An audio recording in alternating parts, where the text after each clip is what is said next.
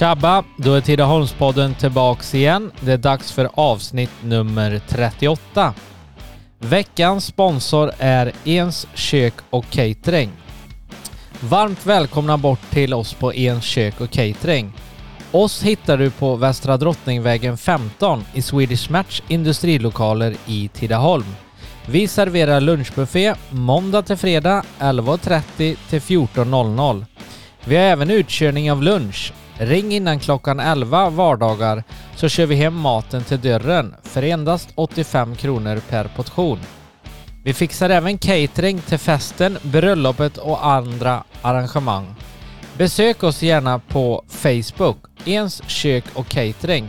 Varmt välkomna bort till oss på en riktigt god lunch. Så, då var Tidaholmspodden tillbaka igen. Och dagens gäst heter Lisa Ögren och är 40 plus, säger vi. För nu är vi, snä, nu är vi snälla här, tänkte jag. Var välkommen till programmet Lisa. Tusen tack Tony.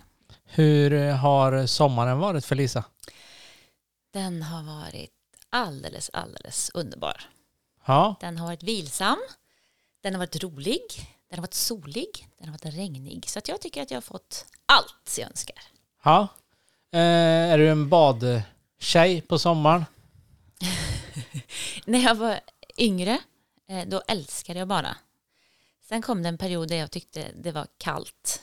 Eh, Nu har min eh, brorsdotter haft en badskola med mig. Så nu känner jag att jag är lite mer taggad att bada i kallt. Ja, Ja. men du, då är det ju då är ingen idé att fråga ens om du vinterbadar, för det finns inte. Alltså, helst inte. Så kan jag säga. Det är inte riktigt min grej tror jag. Nej. Än. Men jag ska inte säga att jag liksom aldrig kommer göra det. Eh, vänner och familj, eh, vissa av dem badar ju på vintern nu och har hackat sig igenom is och sådär. Eh, och någon behöver stå med handduken än känner jag. Så Ja. det har varit min roll. Men man vet aldrig. Jag ska inte säga att jag inte kommer göra det, men jag har inte gjort det än. Nej. Vad, vi gör som vi brukar göra Lisa, vi hoppar tillbaka till uppväxt och eh, lite skoltid. Så jag tänkte om vi kör eh, uppväxt och skoltid upp till årskurs nio till att börja med i alla fall. Då. Hur, hur minns du uppväxten och eh, skoltiden? Eh, jag minns eh, min uppväxt som mycket fin, med mycket fina minnen och många personer runt mig som har betytt mycket och betyder mycket, som har format mig. Jag växte ju upp i Korsberga, utanför Jo, med min mamma och pappa och min lillebror som kom när jag var tre ungefär. Eh, Och så gick jag i skolan i Korsberga eh, upp till sexan. Sen blev det den stora lilla staden Jo. Ja, hur var det att komma till Jo från ja, men en bondskola om man säger så? Nej, men ner till Jo då? Eller hade du mycket kompisar Ja, redan? alltså, Eller ni jo, men- blir ju alla från skolan kanske men? ja, alltså de jag hade, vi, vi var ju inte jättemånga så, såklart, men de, de som jag hade gått med sen, jag menar, sen förskolan och även i barngrupper i både kyrkan och friluftsfrämjandet och så vidare var ju med liksom. Så att de kände man ju och hamnade i samma klass med eh, i Jo. Så att, och sen fick man ju såklart många nya vänner. Ja. Trivdes du, trivdes du i skolan? Ja, det gjorde jag. Jag var liksom, ska man säga, jag, jag är ju social. Så att man har ju alltid liksom umgåtts med folk och mött folk och liksom haft roligt med människor. Sen har det ju klart varit perioder kanske som har varit tuffare. Eller så. Där man kanske jämför sig och sådär. Och känner sig kanske inte på topp. Men eh, överlag så har det alltid varit väldigt bra och jag har velat gå till skolan. Ja. Efter, eh, du gick till sexan i Jo då eller? I Korsberga. I Korsberga och Mm. sen sjuan, åttan, nian Jo. Ja, precis. Hade du några favoritämnen om vi tar sjuan, åttan, nian där då, som du tyckte var, ja men det här är superkul i skolan liksom? Ja. Alltså, man kan säga så här att jag tyckte alla ämnen var mer eller mindre roliga. Beroende på pedagogerna. Mm. Eh, Men också ehm, det här med att prestera och inte. jag älskar att lyssna och lära liksom. Men sen så när man själv då ska prestera då kan jag bli nervös och få liksom så här, åh nej, det här måste jag klara nu för att det ska vara, att jag ska visa att jag tycker att det är intressant. Men då kan det också låsa sig. Så att jag kan säga att alla ämnen tyckte jag var roliga. Svårast hade jag för matte. Ja. Är det något som hänger i än idag att du tycker att det är tråkigt eller men i och för sig nu finns ju mobilen så det är bara att ta upp och slå på miniräknare. Nej men jag menar tycker du att det är, om vi säger du har två barn nu, tycker mm. du att det är tufft att hjälpa dem med matten? För det är ju inte enkel matte liksom de håller på med. Nej men jag kan säga så här att jag har valt att eh, dirigera över det till Petter. Ja, ja okej, okay. ja, men det var ju eh, smart. Men det är också just för att mitt självförtroende på matte är ju noll. Eh, för att jag har alltid hört att jag inte kan matte.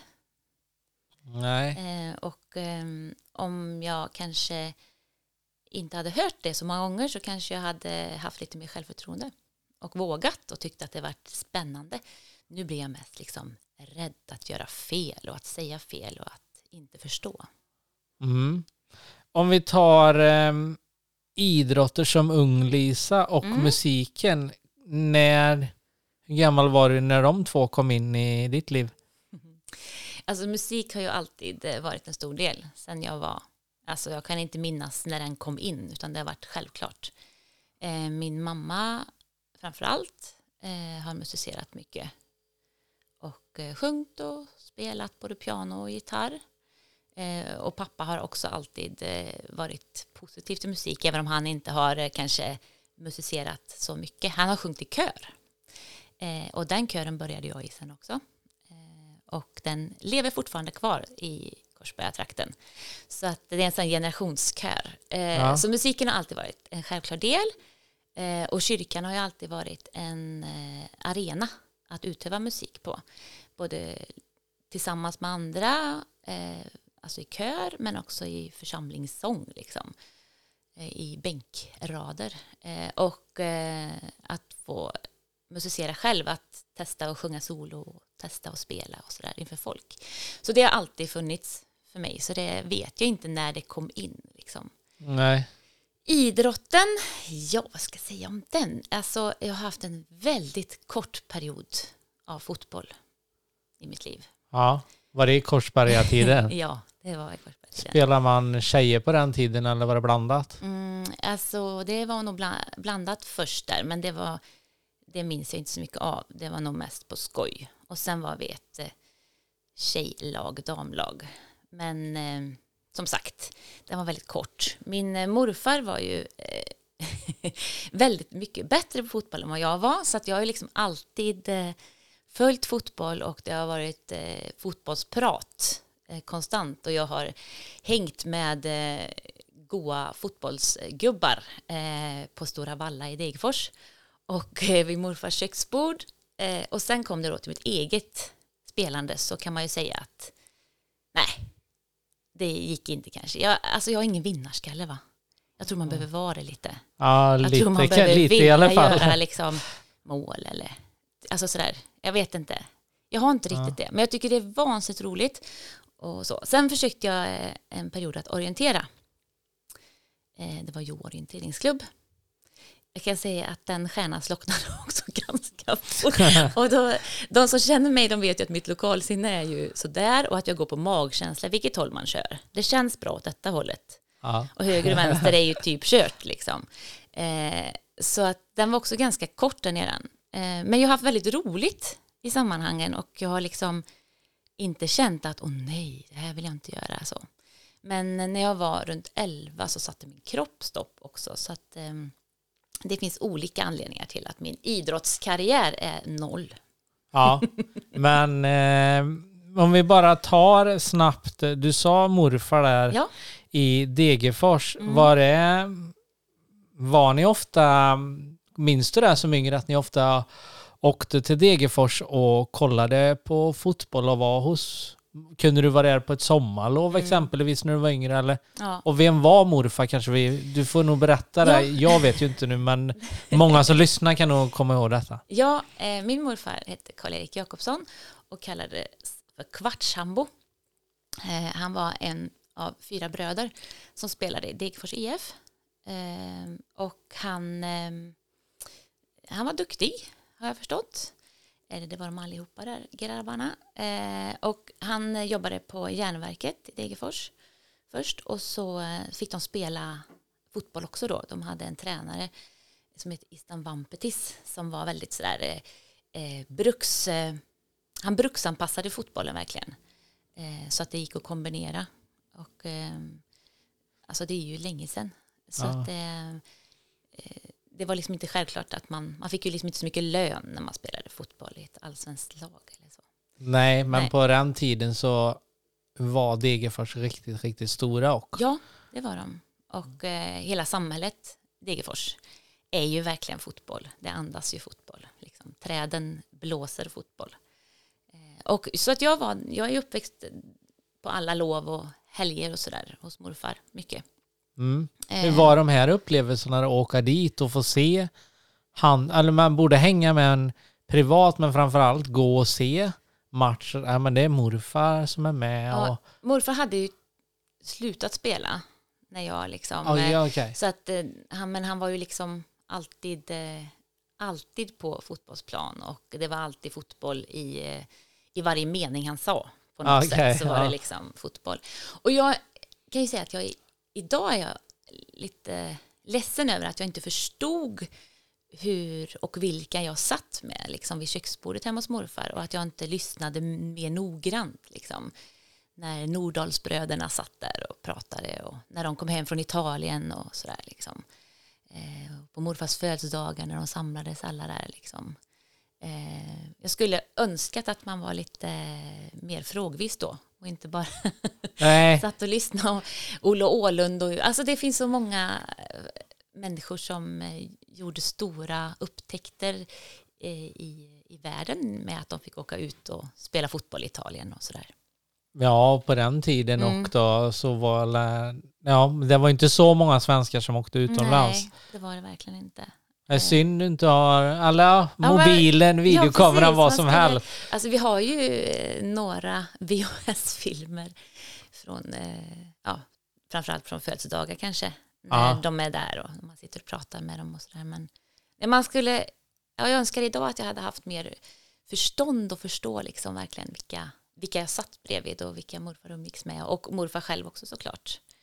Eh, men det var ju liksom en vardag och ibland var man ju ganska trött på att höra fotbollsprat liksom. Om, om de gjorde, eller vilken som gjorde målet och hur målet gick till och eh, Ja. de trätte på varandra om, eh, om du var ju fel position där och så där. Man bara, ja, ja, ja, det är fotboll liksom.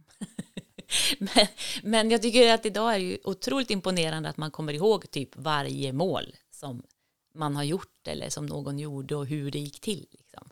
Ja. Det är ju fascinerande faktiskt. Då har man ett intresse, då lever man fotboll. Liksom. Every night in my dreams, I see you, I feel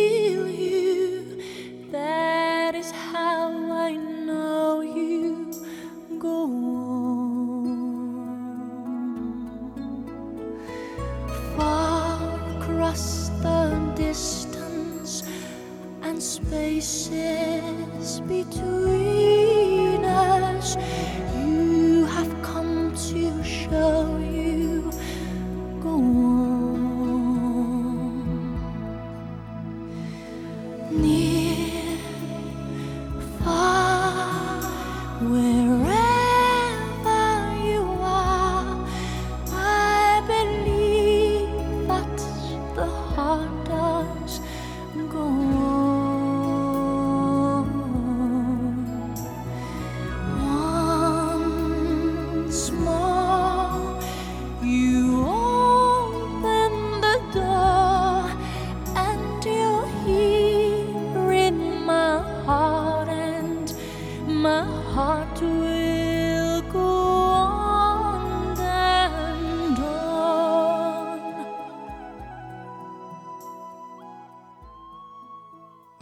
då är vi tillbaka igen med dagens gäst Lisa Ögren och jag tänkte att vi studsar in på gymnasiet. Vart går du i gymnasiet och vilket program? Ja, Eh, när man då gick i Jo, som jag gjorde, eh, i 7, 8, 9 så var det ju så att många som bodde i Jo valde att gå i Skövde eller Tibro. Det var ju bra bussförbindelser. Eh, och eh, när man bor i Korsberg och lite sådär utanför så eh, samma år som jag skulle börja där så skulle de eh, starta program och gjorde det då i Tidaholm på Rudbecksgymnasiet. Och jag var i Brandstorp för att få information om detta. Eh, och eh, alltså det kändes bra. Det kändes, eh, de var taggade, de som presenterade och eh, Tidaholm var jag väldigt sällan i. Så det var lite nytt. Och eh, jag har alltid tyckt om att lära känna nya människor och liksom sådär. Så jag, jag var lite taggad på att eh, välja Tidaholm. Så det gjorde jag. Eh, och då kan hända att jag lyssnade lite väl mycket på alla andra.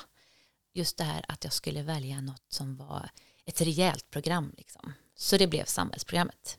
Mm. Eh, och eh, det var jättebra såklart. Eh, och jag kom till Tidaholm och eh, kände mig jättevälkommen. Eh, älskade miljön, Rudbecksgymnasiets miljö. Då var inte riktigt eh, skolan klar när vi kom. Utan vi fick gå i, i den äldre delen på ön tills de var färdiga med våra lokaler på andra sidan där. Eh, och eh, det gick fram till jul sen bytte jag program. Då såg jag att eh, esteterna satt och målade. Och eh, då bara, alltså det gick inte att stå emot va. Eh, och tack vare möjligheterna skola Rudbeck så eh, kunde jag byta. Och fortsätta på rätt ja, år. precis. Så jag, alltså de fixade och gjorde så att jag kunde ta in det jag inte hade då läst och eh, vissa saker, alltså det, det klaffade väldigt bra så det var inte så mycket att ta igen på det sättet i början, första halvåret. Vi läste lite samma kurser och sådär. Ja. Ja. Hur, eh, hur tycker du det är att komma till... eh, Ja, du säger att det är bra och lätt och du gillar ju att träffa nya folk och så liksom. Men eh, hur, hur många var ni i klassen ungefär på den här tiden? Eh, jag tror att vi i samhällsklassen som var samhällsekonomi ihop, vi kanske var sådär eh, 23, 25 någonstans där. Eh, inte helt säker på detta så ni får inom liten parentes. Eh, eh, och sen så när jag gick i eh, estetklassen så var vi runt 30, strax över 30 tror jag. Det var ju ifrån, ja så Jo, det var ifrån Mariestad och det var från Mullsjö. Och, så det var ganska många utifrån som gick i, eh, i estetklassen, Ja. konst och formgivning. Eh, men eh, alltså samhällsklassen, eh, där träffade jag ju Petter. Eh, jag försökte stå emot alltså. Men eh, kärleken var för stark, så var det bara. Eh, för jag hade bestämt mig för att nu så skulle jag minsann koncentrera mig på att studera. Ja, okej. Det gick bra. Det gick från augusti till oktober.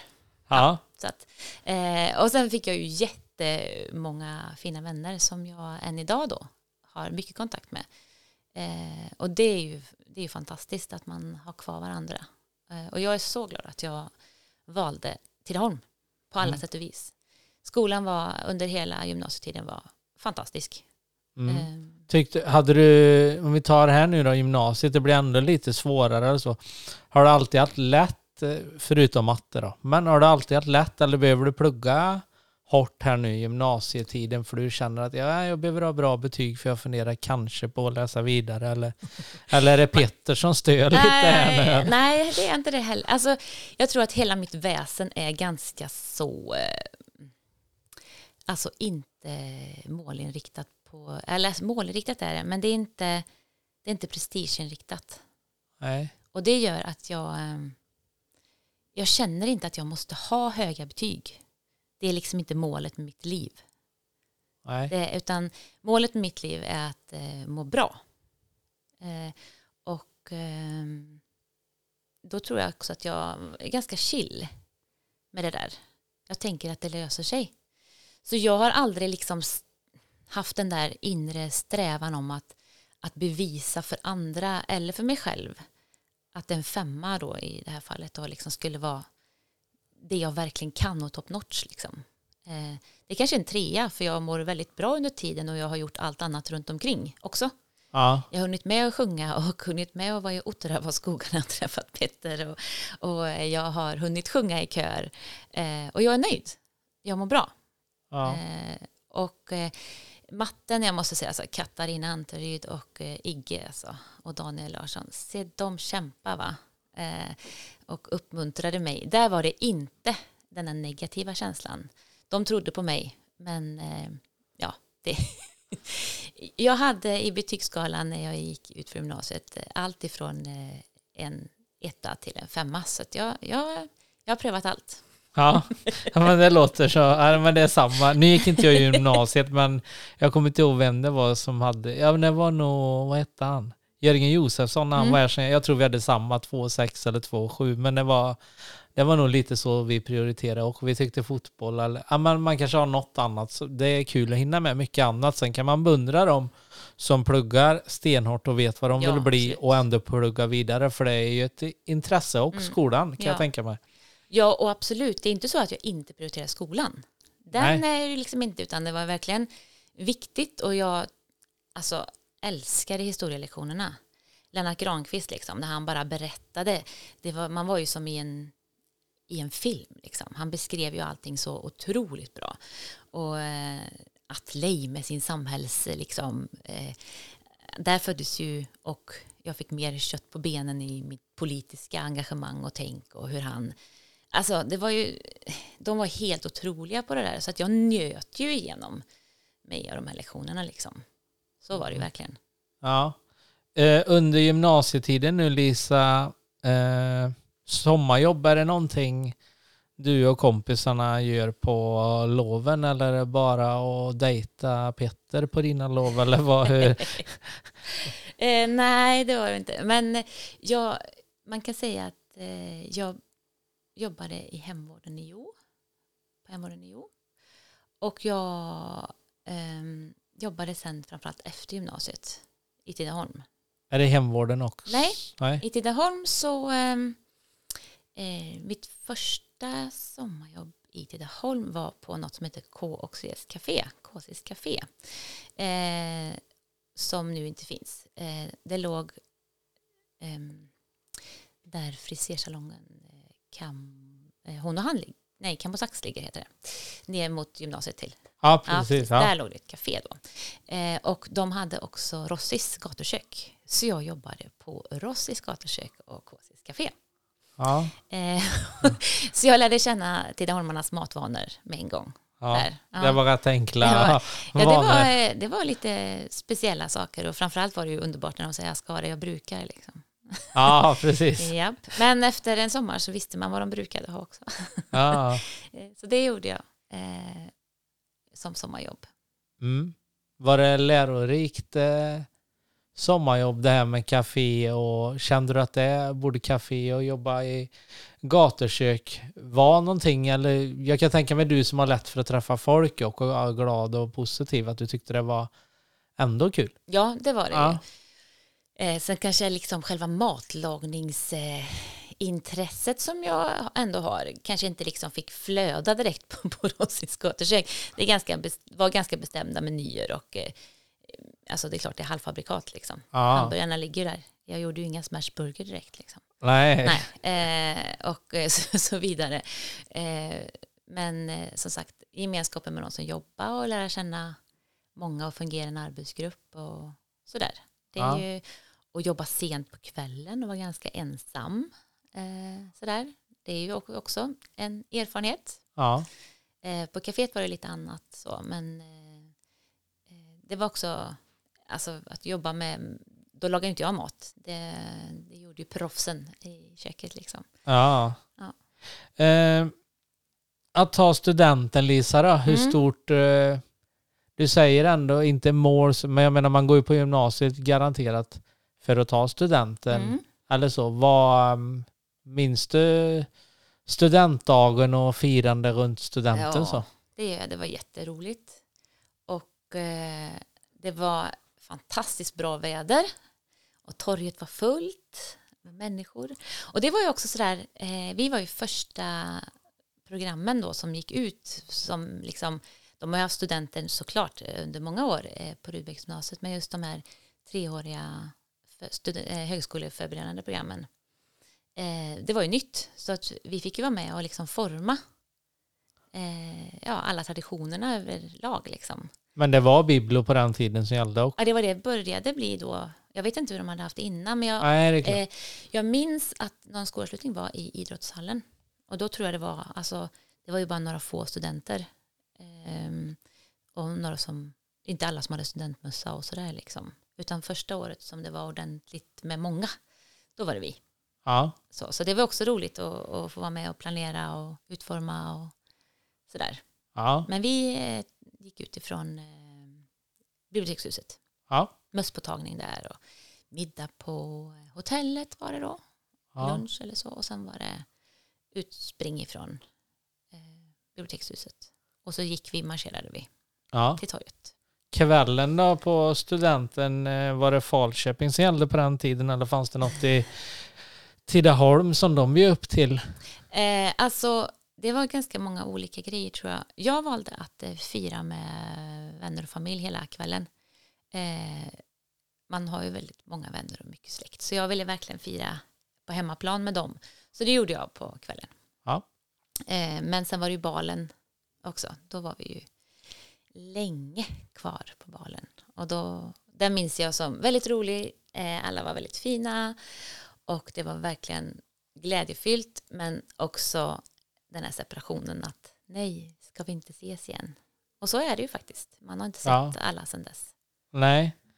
Efter eh, gymnasiet där då, hur Mm. går tankarna i ditt huvud? Är du sugen på plugga vidare eller jobb, börja tjäna pengar eller vad, hur funderar du? Ja, nej, men jag vet att jag vill jobba med människor på något sätt. Eh, och eh, min pappa jobbar inom psykiatrin och min mamma jobbade eh, i eh, Jo kommun med eh, äldre och omsorgstagares fritid.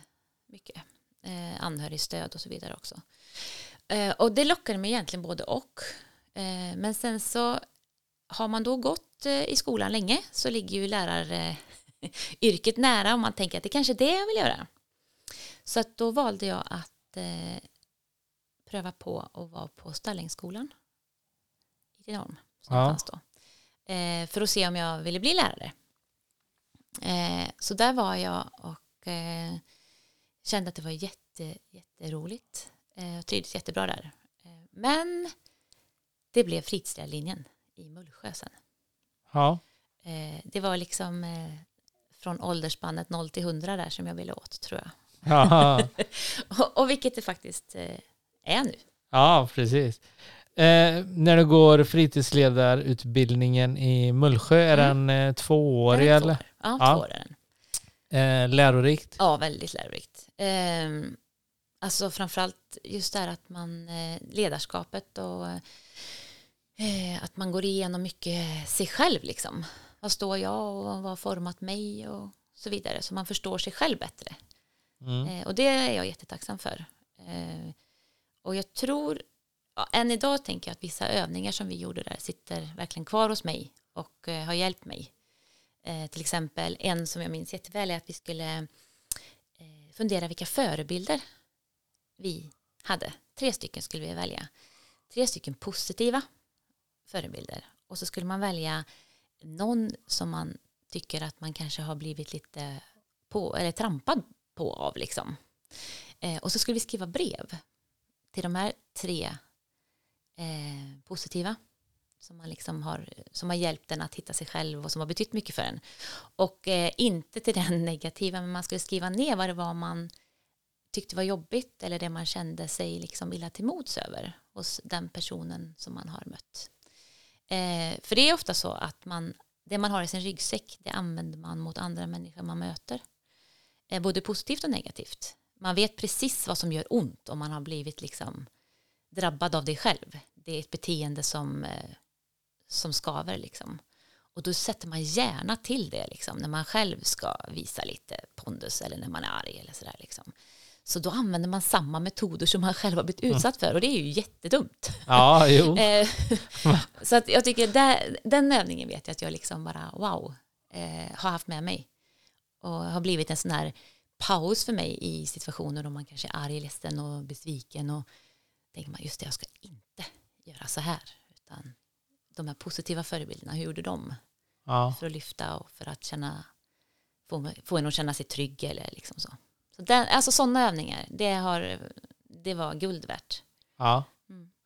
Ehm, Efter folkhögskolan, två Mm. år där då, vad... ehm, Är det tillbaka till Stallängen eller vad, vad gör du då? Nej, det, det blev anstalten. Så det är inte riktigt stan, Stallängen, Nej. utan det blev anstalten. Eh, och eh, där var jag i fyra år ungefär, fast inte heltid hela tiden. Men eh, från 2000 till 2004 jobbade jag mer eller mindre där.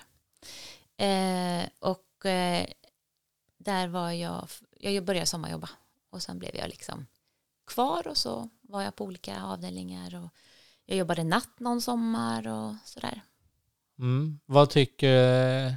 Då är du ändå, precis, fyra år har du varit där. Det är många i Tidaholm och runt om Tidaholm som har jobbat där hela livet. Men Mm. de fyra åren på anstalten då, hur tyckte du att de var? Lärde du dig mycket där? Om... Ja, alltså det här med människor är ju fascinerande.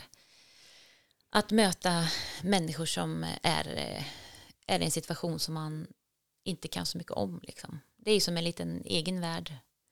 Och jag beundrar de som jobbar länge där. Eh, och jag, alltså, jag har lärt mig jättemycket och jag har mött människor som jag aldrig skulle mött annars. Eh, de le, lever så långt ifrån mitt liv och min trygga uppväxt. Eh, Så att jag kan, jag kan känna att jag är väldigt tacksam och glad över att jag fick möta så många individer. Ehm, Och väldigt, väldigt få gånger blev jag skrämd. Mm. Alltså vi är människor Ja. och ibland går det åt fanders och ibland går det väldigt bra. Eh, Men att, eh, att se människan eh, och att, att förstå att, att det kan gå fel. Eh, Ja, det har jag lärt mig väldigt mycket av. ja. Fyra år på anstalten och efter det var... Ja, alltså det kom ju där lite, ehm, min svärfar, han är ju eh, en fantastisk kreatör, Bengt-Åke Ögren. Och han, eh, han undrar om jag kunde ha lite barngrupper ute i Ekedalen, eh, i kyrkan. För det var någon som var sjukskriven där och sådär. Och det kunde jag ju ha då, för jag är ju en ja-sägare. Så att Mm. ja, ja, det ordnar vi. Liksom. Så att jag började där. Eh, och eh, jobbade alltså lite, inte full tid, absolut inte då, utan lite lagom. Från, det var också hösten 2000 som jag började med barngrupper där ute. Då var vi i Lindängen. Ja, okej. Ja. Ja. Där hade vi lokal då, eh, Svenska kyrkan. Så där var jag och sen så blev det liksom parallellt med kriminalvården så jobbade jag på kyrkan. Eh, och 2004 blev det kyrkan helt. Mm. Och du är kvar där än idag ska vi säga. jag är kvar Så det, där. det är det längsta jobbet. Ja, det är längst det. Och förmodligen där du trivs. Ja, men du kanske hittat rätt och tycker att du trivs. Ja, jag försökte faktiskt en gång att ta mig därifrån ja. och tänka att jag kanske inte ska vara här. Men eh, alltså, jag har ett fantastiskt jobb. Eh, det, är, det ser inte likadant ut som när jag började utan jag får, eh, jag får följa med och, och göra olika saker.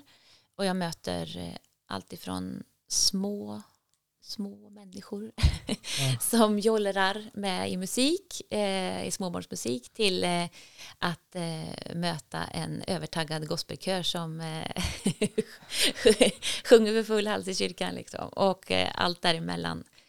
Massa Ja. goda ungdomar, konfirmander, de är överallt och det är underbart. ja.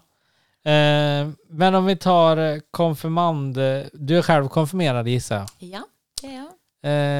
Nu, ja, men det blir ju mycket tid som du lägger med konfirmander, om man Mm. säger. En stor del av jobbet. Ja, det är det.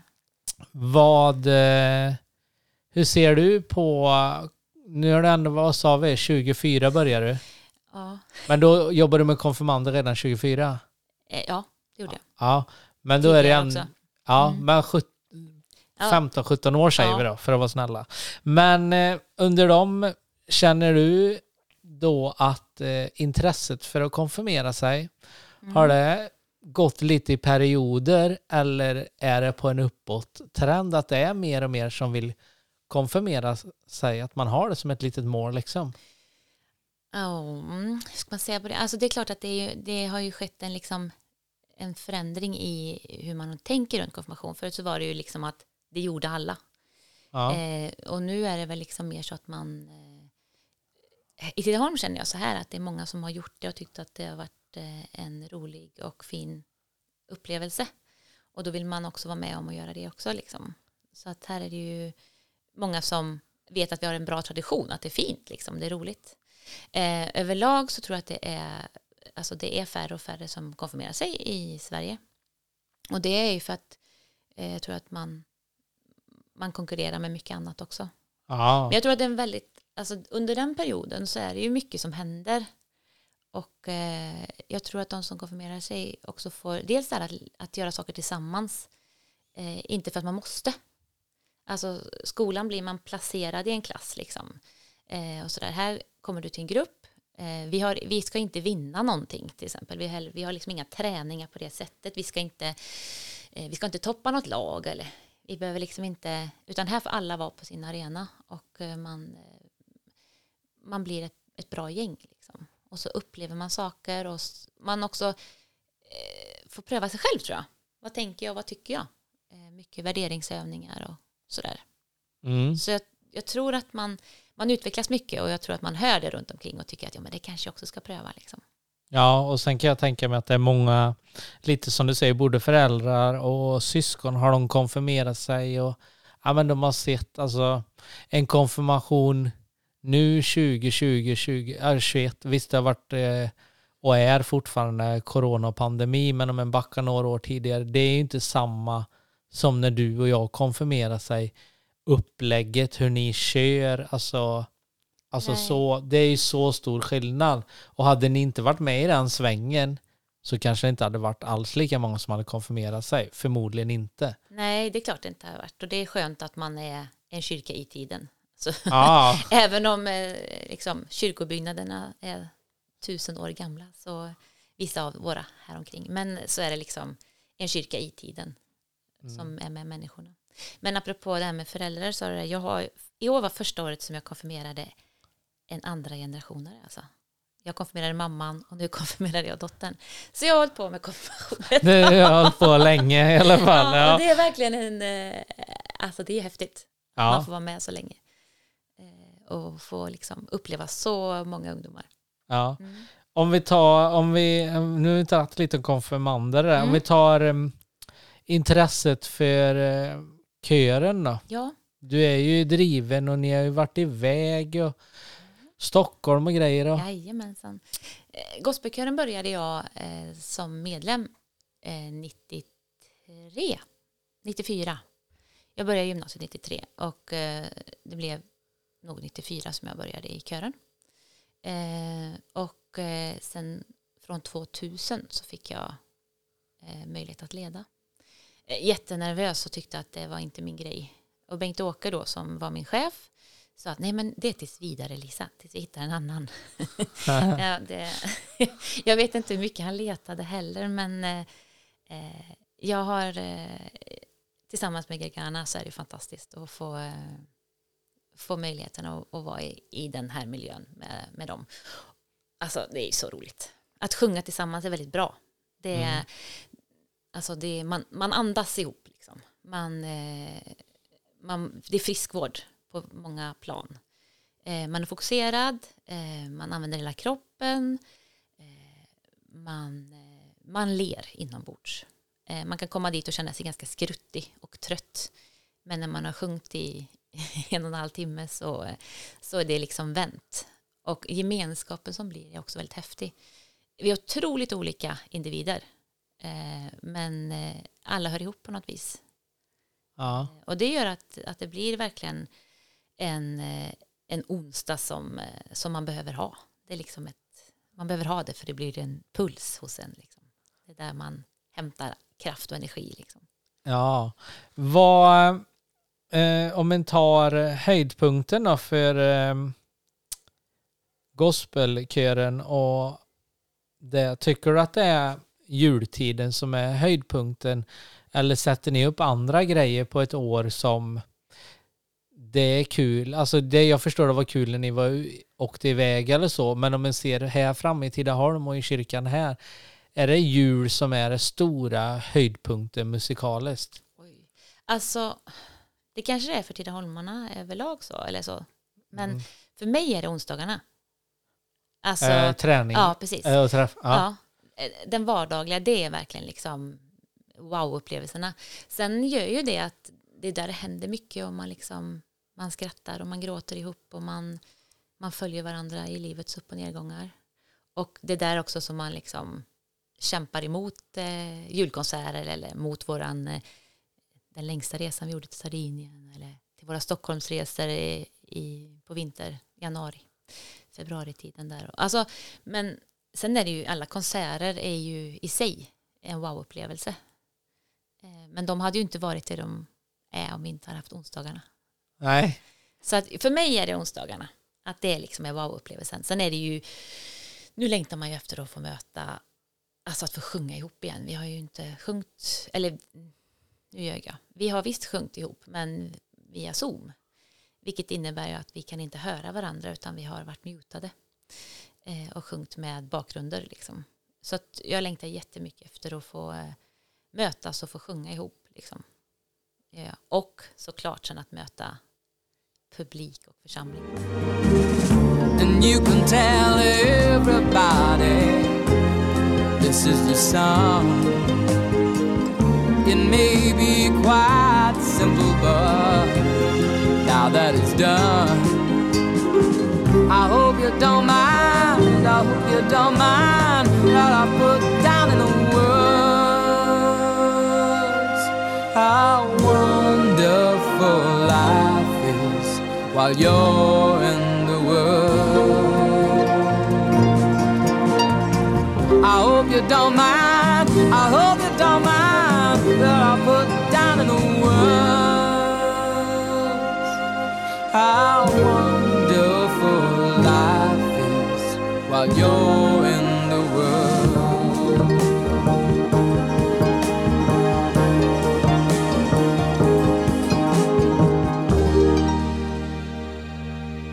Så, då är vi tillbaka igen med dagens gäst Lisa. Och vi pratade om eh, jobbet på kyrkan, lite om konfirmander och lite om eh, gospelkören och lite sånt. Men eh, jobbet i, alltså i övrigt Lisa, var, jag kan ju tänka mig det ger så mycket. Du säger ju själv och jag vet ju också, det är ju så olika dagar vad du gör och det är ju även lördagsjobb. Alltså, inte, inte för att vara sån nu, men vissa kanske tror, nu vet inte jag, men vissa kanske tror att ni som har hand om konfirmander, Ja. ni gör inte, nu vet jag att du gör det i och med att du nämnde gospelkör, men det kanske är många som inte tror att ni gör så mycket annat än att jobba med konfirmander och det vet ju alla att det är inte konfirmander hela året om och 24 eller 8 40 timmars veckor liksom. Men eh, vad, vad ger jobbet dig för övrigt? Alltså, det är ju mycket möten och grejer och planering. och- Det är väl det som är grejen, att mitt jobb är ju också på något sätt en, del, en stor del av mitt liv. Ehm, att, att möta människor i glädje och i sorg eh, och allt däremellan. Eh, det är ju liksom, jag är jättetacksam att jag får jobba med det. Och eh, alltså, jag tror, och det är ju, jag tror på Gud, jag tror på kärlek, jag tror på människor och jag tror på förlåtelse. Och att ha det liksom som riktlinje varje dag i vardagen, det är ju för mig helt fantastiskt. Eh, och tror jag speglar, speglar sig liksom i allt, i allt jag gör och allt jag tänker. Det jag andas liksom. Mm. Eh, men tron, här, är det någonting som har speglat eh, eh, att ni har, du och Petter, att ni har tagit emot, öppnat upp ert hem? Ja, det är klart det. Eh, vi har ju varit eh, jourfamilj eller akutplacering. Alltså när, när det skiter sig hos andra ibland så behöver man någonstans att, eh, att få hjälp med sina barn. Det kan ju vara i en sjukdomssituation akut. Det kan vara i eh, någon konflikt. Det kan vara eh, i något eh, kriminellt som händer som gör att man måste lyfta bort barn ifrån eh, sin familj. Och då har vi varit en sån familj där socialen kan placera eh, barnen hos oss en period. Allt ifrån en natt till eh, någon, någon, några veckor. Eh, och det är klart att det, alltså, hade vi behövt den hjälpen så hade jag jättegärna velat att någon hade tagit emot Aron och Rebecka med öppna armar eh, och gett dem så mycket lugn och ro och kärlek om det så bara är för ett dygn. Ehm, så att jag tänker att eh, jag gör det för att jag önskar att andra skulle gjort det också för Rebecka och Aron. Mm. Hur många barn har det blivit? Eh, när, när, kommer du ihåg första gången? Alltså, Mm. Ja, alltså vi har ju haft, som jourfamilj har, var vi ju ett par år eh, och det kom ju liksom eh, allt från någon, någon ungdom till eh, någon yngre, något litet barn också har vi haft liksom. Eh, och man lär sig mycket om sig själv och man lär sig mycket om människor eh, och samhället, hur vi behöver stötta varandra. Eh, så att vi har haft ganska många Eh, Men det har liksom inte varit ett jobb utan det har varit ett engagemang om man säger så. Och sen så, alltså man kan säga så här att eh, 2004 föddes Rebecka. Eh, 1 januari ja. och eh, 0021. ja. Eh, och det, det var lite, alltså såklart, alla förlossningar är ju liksom omvälvande och eh, att få sitt första barn är ju det. Eh, men jag blev inlagd ungefär en månad innan jag fick Rebecka för jag hade havandeskapsförgiftning som de säger. Men ett år senare sen så kan man säga att det kanske inte var det utan att det var en början på ett skov som jag fick. Ehm, för att 2005 så blev jag jättedålig. Då var Rebecka ungefär ett år. Och eh, jag kunde inte röra mig. Jag vaknade en morgon och kunde verkligen inte röra mig. Ehm, och alla vardagssituationer, alltså att dricka vatten, gå och hämta ett glas vatten, ehm, borsta tänderna, ta på mig, blev omöjligt. Eh, vilket skakade om mig jättemycket och Petter såklart också. Och min, min enda önskan i det läget var ju liksom att kunna krama Rebecka och ha henne i knät utan att det ska göra ont. Eh, och eh, jag fick vård på eh, ja, först i Tidaholm då på, eh, på eh, Närhälsan hette det inte då tror jag, men där. Ja. jag hade en fantastisk läkare som eh, letade och kämpade mycket. Superbra och jag är jättetacksam för att han eh, inte gav upp. Jag var i Skövde på reumatologen. Jättebra där också. Jag var i Falköping. Superbra där också. Eh, men sen blev det Sahlgrenska och reumatologen där. Och där var jag under många år. Och det visade sig att jag fick diagnosen att jag hade SLE. Eh, och eh, när de hade väl satt diagnosen så gick det ganska fort sen att jag fick eh, cellgifter. För det är en sjukdom som är, det är en autoimmun sjukdom. Så att mitt immunförsvar jobbar mot, mot sig självt. Och det är inget bra. Nej. nej, det är dåligt. Och SLE i sig är väldigt komplext för att det är så många olika sätt man kan bli sjuk på. Eh, och det är idag inget som det finns ett botemedel för, eller du kan liksom inte bli frisk från SLE. Eh, som det ser ut nu.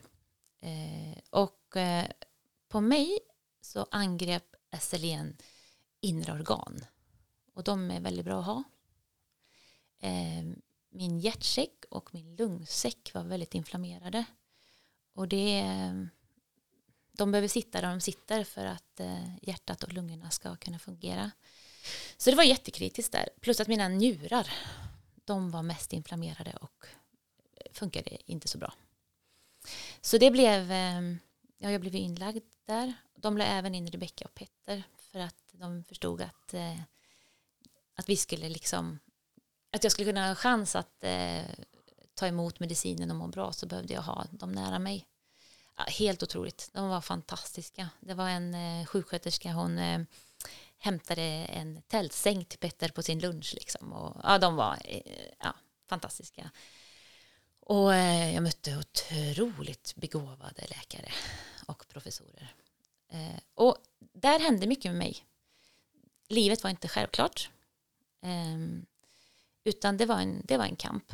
Och man visste inte heller hur det skulle gå. Om jag överhuvudtaget skulle alltså, klara att leva ett, ett normalt fungerande liv efter eller under tiden här nu. Så att eh, cellgifter och kortison var det väldigt mycket av och ehm, undersökningar och så vidare. Men eh, där betyder tron mycket för mig, för jag orkade inte själv. Jag är jätteglad att jag vågade lita på att det finns någonting som är större än mig, någon som har en plan och att jag faktiskt vågade ehm, följa med. Eh, jag kunde inte göra så mycket själv mer än att eh, lyssna på läkare och, och liksom ta emot behandlingen som jag fick. Men eh, jag är jätteglad att jag bara kunde lita på att det finns någon som vill mig något gott eh, igenom allt. Och även här igenom. Det Mm. var, Men hur, hur lång tid då, så alla som lyssnar nu Mm. med, hur lång tid ligger eh, ni, eller du inne på Sahlgrenska? eh, första svängen där då, som det var riktigt akut akut, så låg vi inne två veckor, liksom hela familjen. Sen var ju jag där eh, i stort sett varje vecka då. Eh, På behandlingar? Ja, på behandlingar eller bara på kontroller och på så. Under ett års tid ungefär, tio månader. Hur Eh, mycket sliter det på eh, dig? Åka fram och tillbaka på ett år eller har det ändå... Ja, men jag, du är ju alltid glad och positiv menar jag, men det, det är ju tufft. Ja, det var tufft. Och det var, jag var jätte, alltså ledsen och nervös och så. Men på något sätt kände jag ändå alltid att, eh, att jag var buren. Och Petter var fantastisk. Liksom. Han var ju, ja men det blir en helt annan relation också när man, när man inte kan ta på sig själv. Ja. Eh, och han, han, han gjorde det. Jag blev väldigt så här, otroligt rörd och tacksam. Alltså det är fantastiskt att få vara så nära varandra. Eh, och Rebecka som då fick en sjuk mamma. Eh, Ja. Där farmor och mormor och morfar och eh, farfar fick täcka upp min bror. Och, alltså, alltså det, it takes a whole village to raise a child och det blev verkligen så att man eh, är så tacksam för att man har familj som stöttade och fanns med i allt. Eh, och Rebecka, alltså det känns också som att i efterhand nu så, så tror jag att det har stärkt henne också faktiskt. Eh, och att hon, värderingar man får och ser när ens mamma är dålig liksom. Sjukvård, eh, sjukvården vi har i Sverige liksom, den har hon fått se på nära håll. Eh, sen hon var liten. Mm. Mm. Men sen så varje behandling jag fick, jag mådde väldigt, väldigt dåligt under mina behandlingar. Eh, eh, gjorde jag. Men jag kände ändå att för varje behandling så mådde jag lite bättre. Eh, vilket gjorde också att det blev en motivering. Och sen min inställning var tacksamhet för varje dag. Och det har jag fortfarande. Eh, mina mediciner som jag måste äta varje dag och som är liksom eh, livsviktiga för mig. De är ju liksom inget, åh, måste jag ta mina mediciner eller åh, vad synd det är om mig som måste äta allt det här och varför har detta drabbat mig? Eh, för det skulle nog dränera mig. För mig är det liksom, det är som tacksamhetsböner. Tänk att det finns människor som som sagt har det här drivet i skolan som eh, pluggar till läkare och som eh, blir forskare och som lägger ner liksom alltså så mycket energi, kraft, tid, pengar på att forska fram medicin så jag kan leva. Ja. Alltså det är så många människor bakom varje piller och att jag kan ha råd att köpa dem. Att vi har ett sånt samhälle idag som gör att, att jag har råd med mina mediciner. Ehm, det är också helt fantastiskt. Så varje dag jag tar mina mediciner så finns detta med i mitt bakhuvud. Att det här är liksom, it's a blessing. Att Mm. jag får möjlighet att ta del av dessa människors slit. Och att jag idag får leva som jag gör. Ja. Men eh, nu då Lisa, Mm. 2021. Ja. Hur... Kanske en udda fråga, men jag ställer den ändå. Eh, hur frisk känner du dig på skala 1 till 100? Eh, just nu är det rätt så mycket 98. Ja. Ja. Eh, sen finns det stunder då jag har ont och jag eh, kanske nu när jag reser mig upp från soffan där jag sitter så kanske det blir lite stelt och sådär. Eh, men jag känner, för att vara kroniskt sjuk så känner jag mig väldigt frisk. Mm. Och jag har anpassat mig också. Går det i perioder? Om vi säger nu, sitter vi och spelar in här 18 augusti. Jag vet inte när programmet kommer. Ointressant. Eller ointressant är det inte. Men, eh, jag tänker eh, årstidsmässigt då. Sommar, vinter. Hur, Nej, det spelar faktiskt inte så stor roll. det gör inte det? Nej, Ehm, utan det är, det, det man kan säga att det är en överraskning faktiskt. För jag har jättesvårt att veta. Du känner inte av i förväg Nej. vilket håll? Nej, jag vet liksom inte. Utan jag tar mina prover och läkarna tittar och analyserar och vet och hjälper mig med medicinering. Eh, så att jag, jag litar på, eh, på, på, på dem och eh, jag känner också att, att det liksom kan vara en dag som jag har jätteont eh, i händerna. Men nästa dag är det inte det längre. Sen kan det vara en dag som jag samlar på mig väldigt mycket vätska och då vet jag att njurarna är lite trötta nu. Då behöver jag vila. Eh, och då vilar jag lite extra. Och sen så, ja men nu är det bättre. Eh, ibland sitter det i längre. Alltså det är jättesvårt. Ja. Eh, men jag har också accepterat det. Eh, jag menar, så är det ju egentligen för oss alla. Även om jag då har en, en diagnos. Liksom. Att man vet ju inte riktigt om man har ont i huvudet imorgon och Nej. hur. Utan jag tror att det är, jag måste, för att hantera sjukdomen och för att må bra i vardagen så får det bli, eh, det är inte jag men det är en del av mig som jag Mm. lever med och försöker liksom acceptera. Och som jag, alltså någon har frågat mig, skulle inte du vilja bli helt frisk liksom? På ett sätt svarar jag ju ja. Eh, skulle de komma på något botemedel för SLE så skulle jag vara jättelycklig och tacksam och jag vill absolut inte hamna i ett sånt stort skov som jag var i 2005. Eh, men erfarenheten som jag har fått och eh, den vill jag inte vara utan. Den har lärt mig mycket och format mig jättemycket. Eh, format eh, mig och alltså som person överlag, som mamma, som kollega. Alltså jag tror att som vän. Och familjen måste Ja. Ni, ja, nu, jag känner ju dig, men Mhm. jag kan tänka, det känns, om man följer dig på Facebook eller Inst- Mm. ni är en tight familj. Ja, det är vi. Det är vi. Och det är ju också, eh, alltså Petter och jag, vi hade Rebecka när jag blev så pass sjuk. Eh, och det var ing- inget självklart att det skulle kunna bli ett barn till. Eh, med cellgifter eh, under en längre period. Eh, och även att jag är tvungen att äta vissa mediciner som inte liksom som inte alltid är så bra för graviditeter och eh, så, så, så var det inte något självklart att vi skulle kunna få ett biologiskt barn till. Eh, och eh, vi eh, bestämde oss för att pröva adoption. Eh, och eh, vi blev godkända och gick igenom allt det. Men sen så är det ju det att när man är sjuk som mamma och ska adoptera så är det inte lika lätt. Eh, vilket gjorde att det, det blev inget alternativ för oss. Och det var ju, ja, om man säger, det var ju på grund av min sjukdom som inte det gick helt enkelt. Eh, och sen kom Aron. Eh, och det är ju helt fantastiskt att vi, att vi blev välsignade med, med Aron. Eh, 2009. Och det var också en sån otrolig hjälp med sjukvården, hur de stöttade oss genom hela, eh, ja, från dag ett liksom. Hur vi skulle, när vi kunde försöka bli gravida och så vidare. Med medicinering och med kontroller och alltihopa.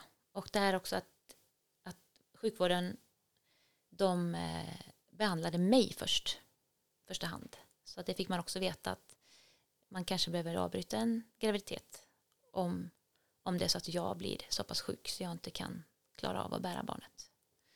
Eh, och det var också en nervositet och eh, Arons eh, graviditet, eller graviditeten med Aron, Eh, var väldigt speciell på många sätt.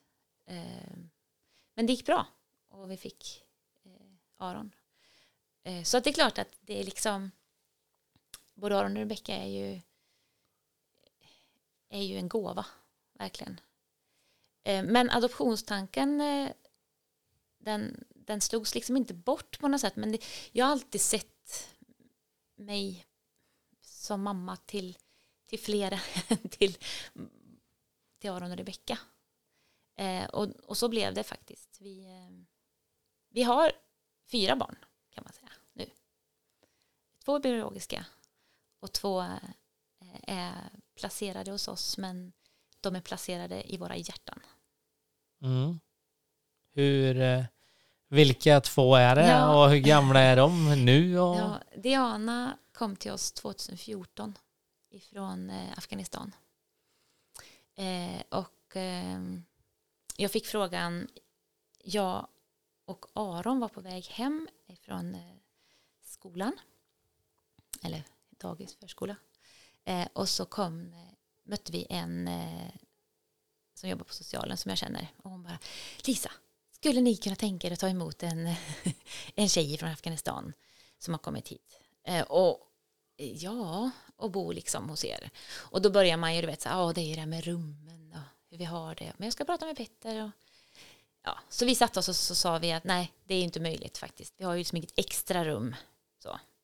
Och sen började vi, nej, men du vet, det får inte plats en säng här. Och, nej. och så tittar vi på varandra, eller men om vi, om vi gör så här då? Och så blev liksom växte, växte viljan att, eh, att ordna det på något vis. Eh, och eh, som sagt, jag säger det. Så vi sa ja. Eh, och Diana sa ja till oss också och kände att men det här blir bra. Och eh, hon flyttade in eh, och hon bodde hos, hos oss nästan ett år hemma. Liksom. Sen blev hon 18 så då behövde hon eh, flytta då till eget boende. Vilket var på samma gata som vi bor så vi var ju väldigt nära varann och, och så. Och eh, nu bor hon i Göteborg Mm. eh, och jobbar där. Så första, första tonårsbarnet som flyttade hemifrån var Diana. Och det kändes på något sätt väldigt konstigt när man har haft någon hos sig också sådär. Så jag, jag förberedde mig för Rebeckas flytt här sen framöver. Eh, och sen så eh, kom ju eh, år 2015 som vi minns med många ensamkommande från Afghanistan. Och där kom Faramos. Och eh, Faramos flyttade in hos oss september 2015. Då hade vi också tänkt att nej, nu ska vi inte ta emot någon för att jag började plugga i Uppsala. Eh, och det var mycket plugg och det var också veckor som jag var, skulle vara i Uppsala under två års period. Så det var liksom, eh, nej, nej det går inte. Eh, och så stod han där och det gick jättebra. Eh, och eh, Faramos eh, bodde hos oss lite till än, lite längre än perioden, Diana. Eh, han flyttade för, är det ett, nu blir jag lite osäker, är det ett eller två år sedan? Man blir så här, ja, eh, men i alla fall så, eh, han, han bodde hos oss och sen fick han ju avslag på avslag på avslag. Eh, och det gör ganska mycket med en som person, eh, både för honom såklart, hans, eh, hans liv står på spel, men också för oss som familj. Eh, ett älskat barn, liksom. En självklar storebror. Eh, och det är ovisst. Eh, och eh, han, eh, också familjehemsplaceringen blev ju avbruten. Eh, och jag förstår såklart det också, men det gjorde väldigt ont att veta att han på något sätt inte skulle bo hos oss längre. Eh, och han skulle bli placerad någonstans i Sverige på något boende. Eh, men eh, Peter och jag var ganska så liksom, vi, vi gör det för att, alltså Faramos, vi älskar honom. Och det var liksom självklart att han skulle bo kvar även om, om det inte var någon som placerade honom hos oss. Så han stannade kvar hos oss. Och det är vi jätteglada för att han, att han ville det såklart. Och att vi, vi gjorde det. Och ganska nyss här nu så fick han permanent uppehållstillstånd efter sex år. Eh, och eh, han eh, fick det via gymnasielagen. Ja, just det. Mm. Ja. Så, och det är också så där tänker jag att min sjukdom har nog gjort oss ganska ödmjuka. En del säger mig att jag kanske hade sagt så här att men det kan vi göra när vi får tid eller när det är bättre, när barnen är stora eller när vi har ett rum ledigt eller sådär, ta emot någon annan. Men alltså, vi har livet idag. Jag vet inte hur det ser ut imorgon. Eh, och eh, återigen tänker jag att jag som mamma önskar av hela mitt hjärta att någon skulle ta hand om mina barn på ett kärleksfullt sätt. Om jag var tvungen att på något sätt skiljas från dem eller inte kunna ta hand om dem själv. Eh, och jag vill vara samma för någon annan mamma. Mm. Har eh, eh, Faramos bor ju i Tidaholm nu. Mm.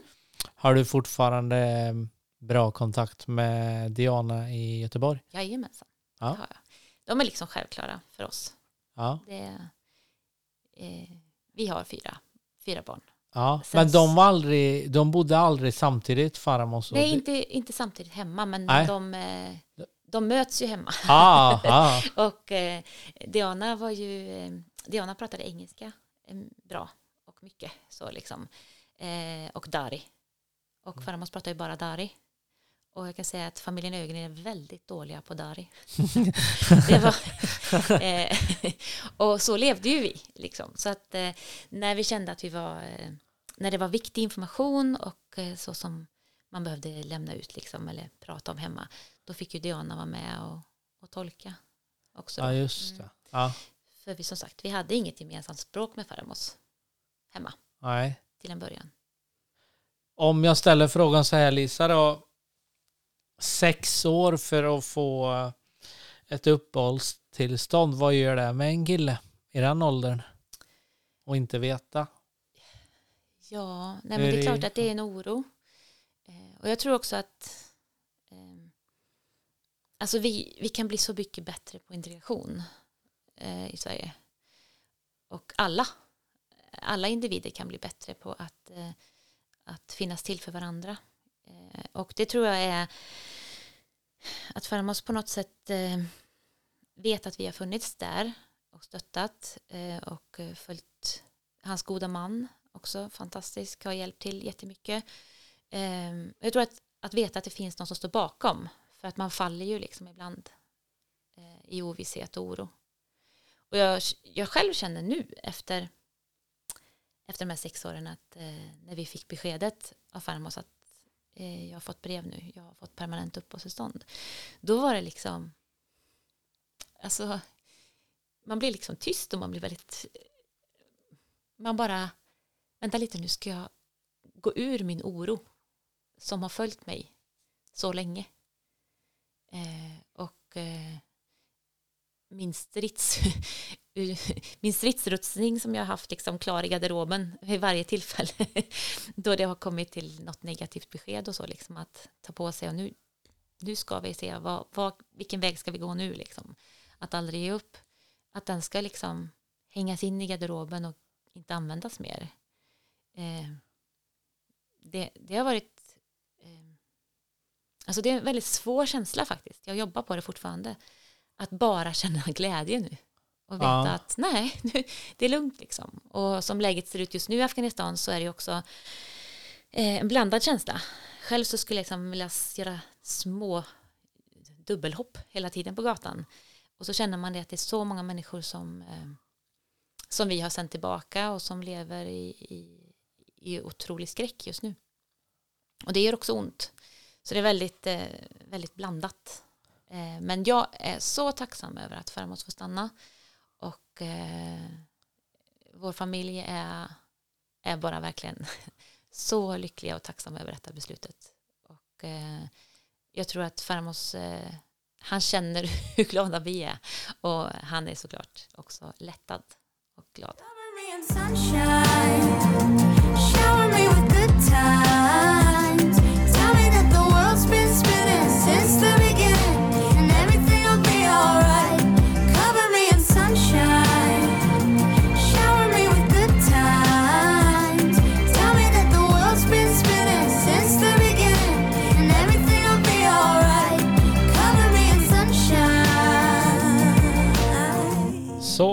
Tillbaka igen och då skulle jag kolla lite, eh, Lisa. Intressen, vad gör du när du inte sjunger och grejer? Har du och familjen några andra intressen? Ja, alltså eh, vår familj är väl kanske ganska aktiv. Så att eh, intressen blir ju liksom eh, barnens intresse mycket också. Rebecka och Aron spelar ju både innebandy och fotboll. Eh, Petter är tränare, Ehm, både innebandy och fotboll. Eh, just nu alltså lite olika lag så, så han, har ju in, han är inte tränare i båda för båda två just nu men han har tränaruppdrag. Eh, så det innebär ju att intresse blir ju också att följa och titta och supporta. Eh, och det hoppas vi att vi kan göra mer nu när pandemin kanske lägger sig lite. Eh, och sen så spelar ju eh, Rebecka fiol och tvärflöjt och sjunger. Eh, och Aron spelar trombon. Eh, så det är också ett engagemang eh, och det är kul att vi kan göra ihop. Peter spelar gitarr och trummor. Så vi kan ju musicera mycket ihop också. Sen är det ju det med tiden ibland så att vi inte riktigt, alla är inte hemma samtidigt alltid och kan göra det. Men det finns ett stort musikintresse. Och sen så tycker vi om att upptäcka saker ihop. Mm. Till exempel Sardinien som vi åker ofta till och har gjort i tioårsperiod. Eh, och då är det liksom inte så att vi bor inte på hotell och har all inclusive. Jag säger inte att det är fel. Alltså, nej, nej, absolut det är upp till var och en. Eh, men, men vi har förmånen att lära känna människor där som gör att man är liksom hemma inne och upptäcker kultur och mat och dryck och odlingar och livet som de lever. Eh, så att det har vi gemensamt. Eh, nu när det har varit lite pandemi här och vi inte varit iväg där så eh, har vi eh, tryckt in oss i Bengt-Åkes multivan. Okej. Förra året var Öland, i år eh, eh, blev det Gotland. Eh, och eh, det gör att vi blir tajta också. När man, vi, det, det är inte alltid det smidigaste vi väljer. Nej. Nej, men vi gör det ihop och det blir bra. Ja. Så att mycket intressen blir ju liksom det vi också tar med oss och inputs. Typ mat. Eh, Peter har precis byggt en pizzaugn. Eh, det finns sådana som köper pizzaugnar, lite smidiga och sådär. Peter bygger. Mm. Nu har vi två. Eh, Ah. En som ska vara portabel säger han, någon som man kan flytta på. Jag orkar inte flytta på den. men ändå, och, en som är lite mer provisorisk men ändå fast. Så, så då är det pizzor. Och då minns vi ju givetvis pizzorna vi har ätit på stranden på Sardinien och på riktigt bra pizzerier. Så. Eh, så så är det mycket hos oss, att vi liksom får idéer och, och eh, intryck och så blir det som ett intresse. Eh, just jag, eh, Lisa, jag lyssnar mycket på böcker. Lyssna på lyssnar böcker. mycket Mm. böcker. Jag har lite svårt att sitta still. Ja, du vill göra något samtidigt. Ja, det händer. Sätter jag mig så kan jag somna väldigt fort. Det är Ja. lite jobbigt då. Eh, så att jag, eller somna fort lät jag som. Nej men alltså jag, jag, eh, jag kan absolut periodvis vilja ha en bok i handen. Eh, så, men jag lyssnar gärna på böcker och gör saker samtidigt. Eh, virkar gör jag lite ibland för att liksom det här lugnet och så sitta och göra någonting. Eh, så att, och så musik såklart. Eh, även om, om jag kanske inte musicerar lika mycket själv just nu. Eh, det blir en del men inte lika mycket. Det har inte riktigt prioriterats det sista. Utan det är mer i kör eller så.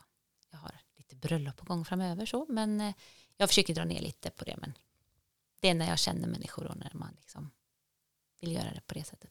Ja. Mm. Om eh, Lisa ska... Ja, men alltså min uppfattning om dig, det är glad, positiv, charmig och så 200 procent. Mm. Ja, och nu har vi ändå pratat här i ja, en och en halv timme. När Mm. du ska varva ner Mm. och bara vara. Mm. Du vill inte, alltså sorry familjen Ögren hemma nu, men du vill bara vara, vad, vad gör du då? Är det, är det i med lurarna och lyssna på en bok eller kan det vara ut och gå eller ute i skogen? Eller, alltså om du bara vill vara själv och bara få återhämtning. Det är ganska sällan jag bara vill vara själv. Ja. Ehm, jag tycker att jag är lite tråkig att umgås med själv. Så, men eh, jag tycker jättemycket om att ut och gå. Eh, eh, skogen, såklart. Kantarellsäsong nu va? Fantastiskt. Eh, men det som avslappnande för mig och eh, energigivande är att laga mat. Och då få göra det till familjen är ju fantastiskt. Liksom. Ja. Och, ehm, det gillar jag. Men sen är det också vänner. Det är avkopplande för mig. Att få umgås med människor som ger mig energi. Och där jag får vara mig själv. Liksom. Mm. Så familj och vänner ger mig energi mycket. Och skulle jag bli sittande själv så är det nog um, virka och bok. Och pyssla hemma. Ja. Alltså flytta en vas 200 gånger. Så. Pilla lite på duk och byta. Alltså sådär. Mm. Ja. Det låter ju jättetråkigt kanske. Men jag tycker om det. Ja, okej. Alla är vi olika. Ja. Behöver inte så Eh, mycket. Tv-program då? Följer du några? Jag var inne och snokade på Facebook och Så mycket bättre. Det förstod jag att det skulle ligga under, under dig i alla fall. Det är ju musik liksom så. Men är det, mm, följer du någon serie eller något på tv? Eller har du följt Nej. de här bron? Och... Alltså det där med att följa är jag lite dålig på. För att det är ju, alltså det, det är så här, jag har inte riktigt, eh, det finns väldigt mycket fjärrkontroller och sådär som jag inte riktigt begriper mig på. Det är liksom, jag kan inte bara sätta på någon, det jag vill se, då kollar jag telefonen i så fall. Eh, men sen är, jag väl kvar i det här att eh, bron är klockan då, den dagen liksom. Och oj då, nu var inte jag redo för att titta på det. Jag vet att man kan titta efter och så, men då, då gick det en vecka och så gick det två veckor och sen har jag fyra avsnitt att se efter. Ah, alltså, okej. så, eh, nah, det, det följer inget riktigt så faktiskt. Eh, jag kan se på någon serie på Netflix ibland kanske och då är det, då ser jag på den och sen så är det liksom, då är jag väldigt inne i den. Ja. Och då är jag den som också ploppar fram så här 10 sekunder, 10 sekunder. När de åker bil typ, då vet man ju att nu ska de bara åka tycker jag. Eh, där Rebecka brukar säga till mig att så kan man inte göra. så, men, men så mycket bättre, alltså sådana program tycker jag är fantastiskt. Och se just det här när, eh, när man lyfter varandras musik. Och när man lyfter varandra överlag. Jag tycker det är ganska ofta man trycker ner och klagar och beklagar sig och sådär. Så att då tycker jag att man behöver det här positiva. Ja. Eh, när ni är ute på semester med familjen, Mm.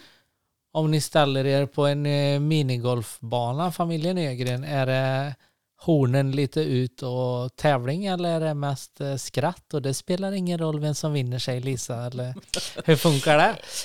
Ja, men alltså. Tre i vår familj, Tre? tre Ja. stycken, eh, kanske fäller ut tornen ganska mycket och en inte. Ja. Ja, och det är väl jag som kanske inte riktigt fäller ut tornen. Nej. Nej, Alltså jag, det är klart det kanske är kul att vinna, men jag har verkligen inte den, eh, den känslan att det måste vara så. Liksom. Och sen, nej jag vet inte. Jag tycker det är jättekul att spela minigolf och göra de här sakerna, men jag har liksom inte det drivet att jag måste vinna. Vi spelade här om veckan, Aron, Peter och jag, vi var i Jo och spelade. Och då var det så här chockartat på tre banor och då låg jag typ först. Och då blir det nästan så här, nej. Men det slutade som det brukar sen. Så att det var okej. ett, Peter etta, Aron två och jag sist. Så att det, det, det blev Ja. bra. Jag blev lite orolig där ett tag att det skulle hända något. Gå gärna in och följ Tidaholmspodden på Facebook och Instagram så kan ni läsa mer om kommande gäster, tävlingar plus mycket, mycket mera.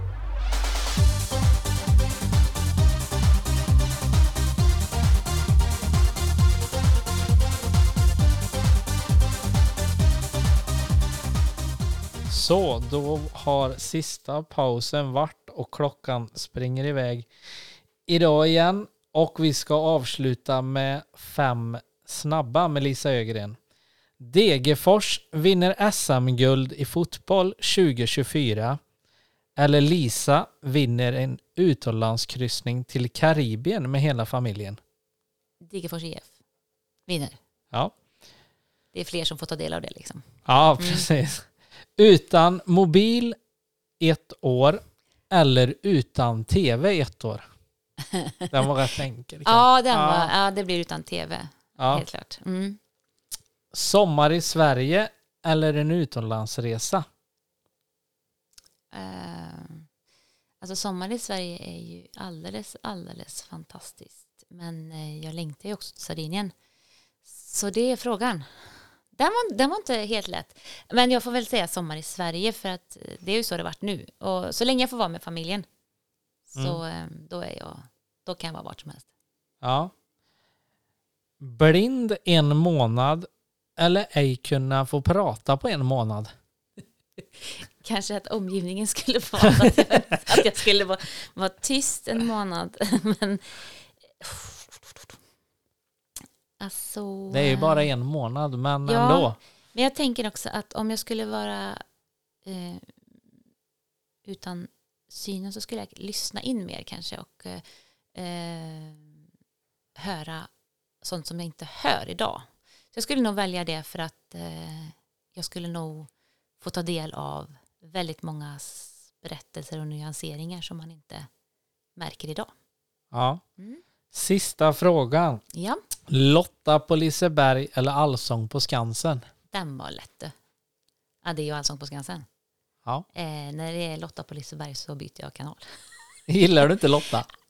Det är inte alla Jag som ska inte säga att jag inte gillar Lotta, för jag känner inte Lotta. Nej. Men jag gillar inte riktigt eh, eh, konceptet på det sättet där tror jag. Eh, samma eh, som jag gör på Allsång på Skansen. Vem, eh, jag antar att du ser det mesta som har varit på Allsång på Skansen genom åren då? Mm, lite då och då. Jag har inte, som sagt, det är ju också en dag varje, jag kommer inte ens, är det tisdagar, måndagar? Ja, någon av dagarna är det. Och det andra är det andra då. Men jag har inte heller kollat Ja, så men, mycket. jo, men det är tisdagar tror jag va? Ja. Ja, Mm. Nej, men ibland så är det ju så att man inte har sett, men vet jag att det är någon artist jag tycker om eller så, som jag är nyfiken på, så, eh, så kollar jag ju.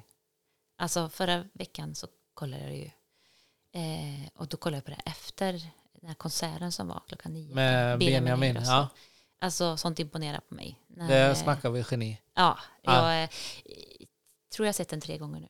Ja, jag har inte kollat än, men jag, jag ska kolla Bianca var med så. Ja, de gjorde ett jätte... nej, men ja, men var- alltså, de de är ju- fantastiska.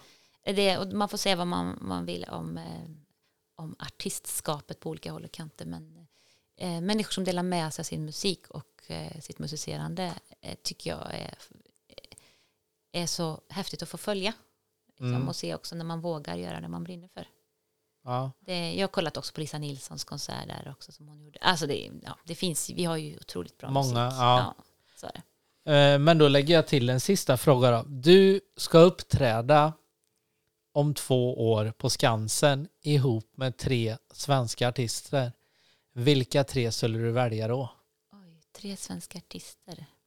Du får ingen betänketid nu, sorry. Eh, men Lisa Nilsson. Ja, Eh, jag skulle nog också kunna tänka mig, ja, då blir det lite mer i ett, Bo Kaspers Orkester. ja. Och här står det nu då om det är Peter Mark eller om det är Benjamin Ingrosso. Det beror, Ja. ja. det är frågan. Nej, men jag säger nog Peter Mark för jag tycker att eh, hans musik behöver lyftas lite nu då. Ja. Ja, ja.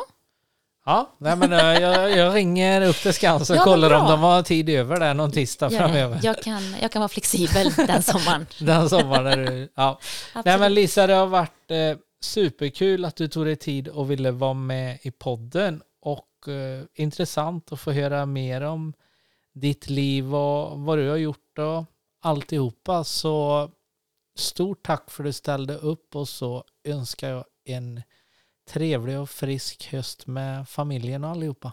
Tack så jättemycket Tony för att jag fick möjligheten att komma. Och eh, jag hoppas att det som jag vill förmedla landar väl hos de som lyssnar. Det var allt för denna veckan. Veckans sponsor är Ens kök och catering. Oss hittar du på Västra Drottningvägen 15 i Swedish Match industrilokaler i Tidaholm. Vi serverar lunchbuffé måndag till fredag 11.30 till 14.00. Vi har även utkörning av lunch. Ring innan klockan 11 vardagar så kör vi hem maten till dörren för endast 85 kronor per portion. Vi fixar även catering till festen, bröllopet och andra arrangemang. Gå gärna in på Facebook och besök oss där så hittar ni mycket mer information. Varmt välkomna bort till Ens kök och catering i Swedish Match lokaler i Tidaholm.